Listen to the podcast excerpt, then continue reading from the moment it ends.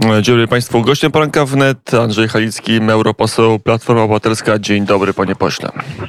Dzień dobry, dzień dobry, witam były szef m.in. Polskiej Komisji Spraw Zagranicznych, obserwuje właśnie nagrania na portalach społecznościowych z Białorusi, a tam czołgi, czołgi, wozy inżynieryjne, wszystko jakby gotowe do inwazji. Kolejny dzień, ba kolejny tydzień, kiedy żyjemy w cieniu inwazji, jest szansa, że uda się to rozbudować dyplomatycznie?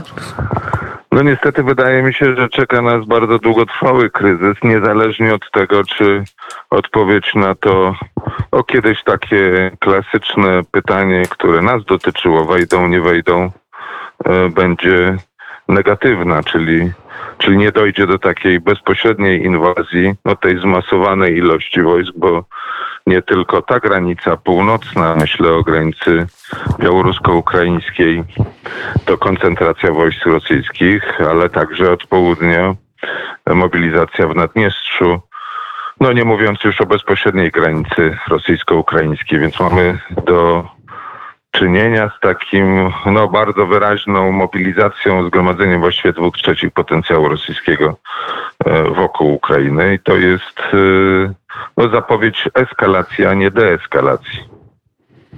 A jak agresja rosyjska w stronę Ukrainy wpływa na postawę nasz na elitach władzy brukselskiej, gdzie żywy był duch jeszcze całkiem niedawno autonomii strategicznej, duch, że jednak Stany to jest kraj zewnętrzny wobec Europy. Jak to teraz wygląda?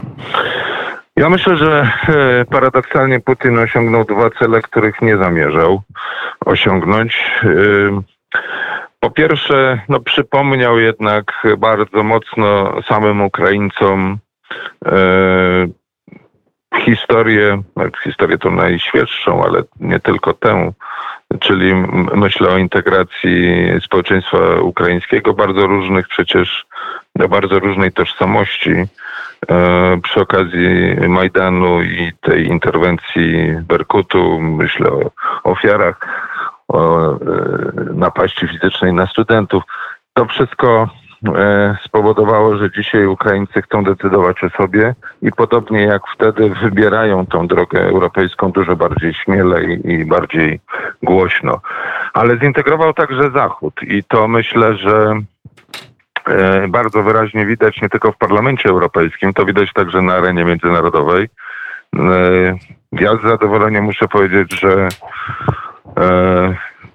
że tutaj polski e, prezydent i no myślę także o w tej chwili widocznej aktywności na arenie międzynarodowej naszej, że wpisujemy się w ten, mm, w ten właściwie już w tej chwili bardzo jednorodny e, w sensie opinii, bardzo mocny ośrodek zachodni, który mówi nie pozwolimy Rosji na szantażowanie ani nas, ani Ukrainy.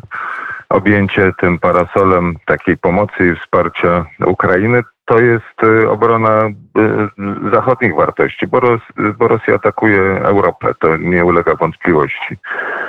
Y, to nie jest tylko kwestia rosyjsko-ukraińska, to jest, to jest dezintegracja Zachodu właśnie. I ta integracja jako odpowiedź myślę, że zaskoczyła Putina. Na ile jest tak, że przy tych wydarzeniach Ukraińcy mogą liczyć na długofalową współpracę z Unią Europejską, bo Ukraina do Unii Europejskiej pukała różne ciała, chociażby Holandia czy Holendrzy w referendum te drzwi zamykali. Dalej tak będzie? E, to prawda, że ta historia e, to taki slalom, bo ja też e, proszę zauważyć, widziałem też pewien dystans, a nawet był taki moment o, e, o, e, mocnym akcencie tak zwanej neutralności trzeciej drogi. Nie ma czegoś takiego w obecnym świecie i w tak bardzo jednak e, zantagonizowanym, jeżeli chodzi o intencje. Mamy wyraźny obóz, e, który e, usiłuje no, stworzyć takie wrażenie alternatywy, czy wręcz hegemonii rosyjsko-chińskiej i odpowiedź Zachodu może być tylko jedna, pełna integracja. Jeżeli chodzi o pomoc e, samej Ukrainie, no to proszę zauważyć, że nawet w naszym zeszłotygodniowym oświadczeniu, a to nie jest e, pierwsze, ale to chyba najdobitniejsze, szefów wszystkich grup politycznych te drzwi dla członkostwa w Unii zostały podkreślone jako otwarte. Musi nastąpić wola, czyli sama procedura, która, która ma charakter formalno-polityczny, ale no i spełnione warunki, cały proces DCFTA, czyli, e, czyli e, reform niezbędnych do tego, ale to musi być też wola z drugiej strony bardzo wyraźnie realizowana, nie tylko zadeklarowana w sytuacji kryzysu. Ja natomiast chciałem powiedzieć o, o takiej współpracy, która może mieć bardzo ważne znaczenie, bo jednak czy to pomoc sprzętowa, czy, czy nawet wywiadowcza, czy obecność polityków właściwie codziennie, bo dziś jest też taka bardzo duża aktywność dyplomatyczna, która oznacza, że codziennie na miejscu, myślę o Kijowie, ale nie tylko, są międzynarodowi liderzy bądź dyplomaci, bądź delegaci e, parlamentów różnego, różnych parlamentów narodowych, europejskiego, dziś europejskiego. Więc to, to, to nie jest tylko symboliczne wsparcie i słowne wsparcie, to już jest praktyczne wsparcie i e, bardzo wyraźny sygnał dla, e, dla agresywnej, agresywnej polityki Putina. Tu nie będzie, tu, tu nikt się nie cofnie. W poranku wnet Paweł Bobołowicz mówił, że w ciągu ostatniej doby na ukraińskiej miejscowości spadło 1600 y, pocisków. Eskalacja niewidziana od dawna w tej trwającej tak, już 8 tak. lat y, wojnie. Y, na ile Zachód jest gotowy odpowiedzieć, na ile jest gotowy ponieść konsekwencje ekonomiczne? Polska pewnie sobie poradzi, zwłaszcza, że za chwilę będzie otwarty za parę miesięcy w gazociągu Baltic Pipe. Jeszcze nie w pełni funkcjonalny, ale to będzie 5-6 miliardów metrów sześciennych gazu dodatkowo. Ale czy Niemcy są gotowe, żeby się odciąć od rosyjskiego paliwa? Paliwa? E, myślę, że, że tak, że tutaj ta świadomość e, konieczności uniezależnienia się od tego rosyjskiego szantażu to jest e, podstawowy element, który oczywiście pojawiał się już bardzo dawno w dyskusjach. No, w historii Nord Stream 2 dzisiaj nikt nie broni już tej koncepcji koniecznej współpracy, także ze strony Niemiec. Proszę zauważyć, rząd jest bardzo mm, to rząd jest podzielony akurat, ale ma bardzo sceptyczną frakcję w ramach rządu co do w ogóle uruchomienia Nord Stream 2 w przyszłości. Ja myślę, że odpowiedź jest znów e, bardzo prosta. E, z praktycznego punktu widzenia przetrenowaliśmy to w pandemii. Po prostu wspólne zakupy, wspólna polityka energetyczna. Kiedyś, pamięta pan redaktor, być może mówiliśmy o solidaryzmie energetycznym, ale on w praktyce musi mieć, y, musi mieć swój y, y, wymiar, więc zakupy wspólne są możliwe. Przetrenowaliśmy to już jako wspólnota. Ale zakupy wspólne, pytanie jakiego gazu? Czy gazu płynącego chociażby po dnie Bałtyku? Czy wyobraża sobie pan poseł, czy oczekuje pan poseł od Berlina, żeby zrezygnował z projektu Nord Stream 2 i być może ograniczył te dwie pierwsze nitki gazociągu, czyli Nord Stream 1? Tak, wszyscy tego oczekujemy. Dopóki, dopóki tam nie płynie e, gaz i nie ma e, i nie ma kontraktów, to, to to jest tylko rura, no niestety leżąca na dnie Bałtyku, bo takie żelastwo też nie jest, e, nie jest neutralne środowiskowo, ale, ale nie ma nie ma znaczenia, dopóki nie jest używane, więc można powiedzieć, że dziś ten projekt jest zatrzymany, zamrożony, co nie znaczy oczywiście, że e, nie należy się zastanawiać nad przyszłością.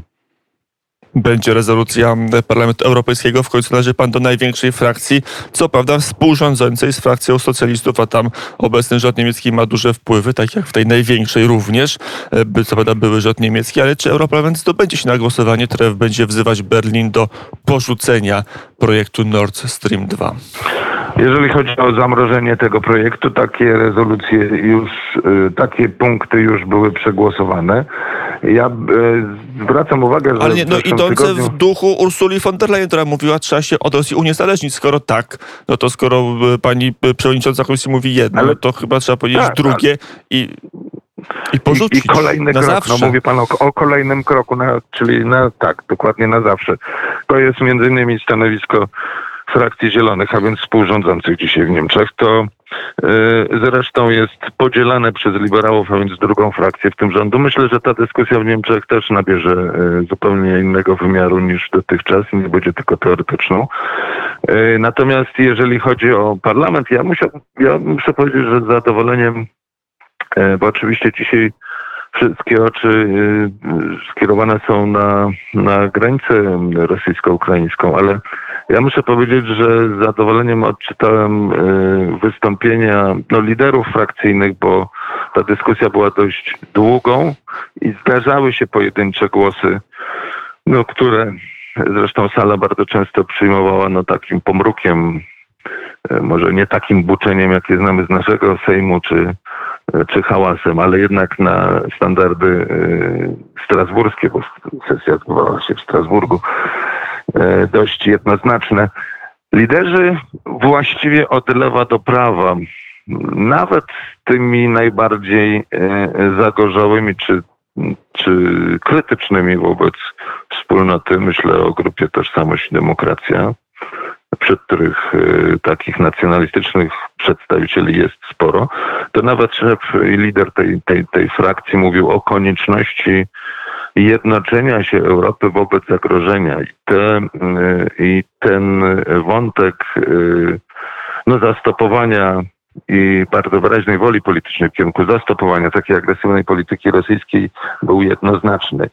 Był właściwie jedynym głosem który można było usłyszeć ze strony liderów. Mówię liderów, bo oczywiście te pojedyncze inne głosy można było usłyszeć. Też się e, zdarzały. Stefanie Andrzej Halicki to ostatni, ostatni tak. temat, panie pośle.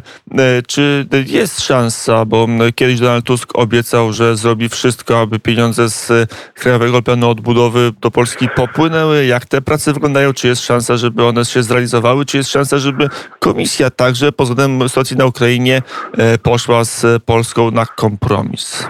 Ja mam nadzieję, że tak, bo one są potrzebne nam, gospodarce, Polakom, polskim przedsiębiorcom, samorządom, tylko proszę zauważyć, że nie jest ciągle zaakceptowany y, krajowy plan odbudowy. Ja na to zwracam uwagę. Y, to no i o tym też mówi rząd, bo komisja miała czas, no miała czas do końca roku, to już był ostatni nie, dzwonek, nie, ostatni nie, nie, deadline, żeby wydać opinię 11, albo dobry, albo zły plan. Nie, nie, nie. 11 punktów rozporządzenia. To są kryteria, które są dość techniczne. Brak, trans, brak takiego transparentnego w ramach struktury komitetu monitorującego ciała oznacza, że nie ma kontroli, nie ma monitoringu, nie ma transparentności. Przy braku współpracy prokuraturą europejską, no można powiedzieć, że wydane środki niewłaściwe właściwie nie mogą zostać zwrócone, nie mogą być kontrolowane. Więc y, jest i była prośba i deklaracja premiera, przypominam, z lata zeszłego roku i z jesieni zeszłego roku była następująca. Będzie nowa ustawa, która uzupełni Krajowy Plan Odbudowy po to, żeby komitet monitorujący powstał i żeby taka instytucja nadzorowała wydawanie środków unijnych. W tym wypadku. W A to nie chodzi o Izbę projektu. Dyscyplinarną, nie chodzi o blokadę polityczną? To jest zupełnie inny wątek. Jak wiemy, jest mechanizm praworządności. On dotyczy środków budżetowych, całej długoletniej perspektywy i mechanizm y, póki co jest mechanizmem teoretycznym, musiałby być wprowadzony i na jego podstawie musiałaby nastąpić blokada. Oczywiście komisja domaga się, y, Parlament Europejski zresztą też, by system sądownictwa był niezawisły, by, by był sprawny, by można było, tak jak w poprzednim przypadku to tłumaczyłem, by można było prowadzić postępowania wtedy, kiedy następuje korupcja i kiedy, y, kiedy prokuratura powinna działać. Przypominam, że w Polsce mamy sytuację, w której polityczna prokuratura nie wszczyna postępowań wtedy, kiedy korupcja jest wręcz ujawnioną. To są raporty NIK-u. No to niepokoi komisję oczywiście. I na pewno będzie elementem i zawsze y, tutaj było jednoznaczne stanowisko także parlamentu, będzie elementem y, y, dyskusji na ten temat. Mam nadzieję, że inicjatywa prezydenta to taki kroczek naprzód, by załatwić Chociaż ten właśnie konflikt. ona dotyczy Ale dziś Izby... musimy mieć dyscyplinarnej, tak. Natomiast dziś tak. musimy mieć zaakceptowane dokumenty, których od jesieni nikt nie negocjuje. Myślę o ministrze Pudzie. krajowy program odbudowy musi być zaakceptowanym, żeby dalej ruszyła procedura wdrażania tych środków. Tak samo budżet. Nie mamy dzisiaj umowy partnerskiej, między innymi z powodu braku technicznego e, porozumienia co do konstrukcji monitoringu środków unijnych. Powiedział Andrzej Halicki, europoseł Platforma Obywatelska. Dziękuję bardzo za rozmowę. Dziękuję i miłego dnia życzę. Do usłyszenia. Zabiła się 8.29 na zegarach. Czas na Dena Kowarzyka i studio Radia Wnet, a ja mówię do usłyszenia do godziny 16. Do 16 tymczasem jest godzina 8.29. Mówił, rozmawiał Łukasz Jankowski. Czas na Royst ostatni.